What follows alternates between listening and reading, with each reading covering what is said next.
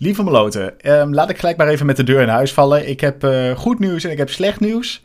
En dan eh, hoor je altijd met het slechte nieuws te beginnen. Nou, helaas, G is ziek. En dat betekent dus dat ik met hem geen nieuwe aflevering van de Molkast kan opnemen.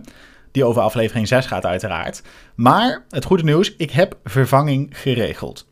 Donderdag ga ik de podcast opnemen. Voor één keer met een dame. Zeker. En die dame is niet zomaar iemand. Ehm, ik hou het gewoon even in uh, familiekringen. Ik ga namelijk aflevering 6 van de Molkast opnemen met mijn zusje Kim. Uh, zij kijkt ook graag naar Wie is de Mol. En ehm, ik dacht, laten we het gewoon één keer hè, binnen de kringen van de familie houden. En uh, laten we toch een leuke podcast maken. En dan doe ik dat dus deze keer dus met haar.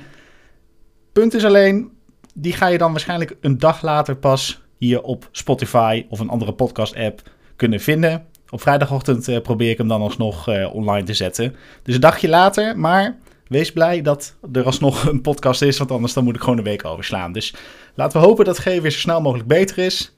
Voor nu een kleine vervanging dus. En um, hopelijk, uh, ja, vind je het alsnog leuk om naar de podcast te luisteren. Dus aankomende vrijdagochtend om 6 uur in je favoriete podcast app. En natuurlijk ook op YouTube.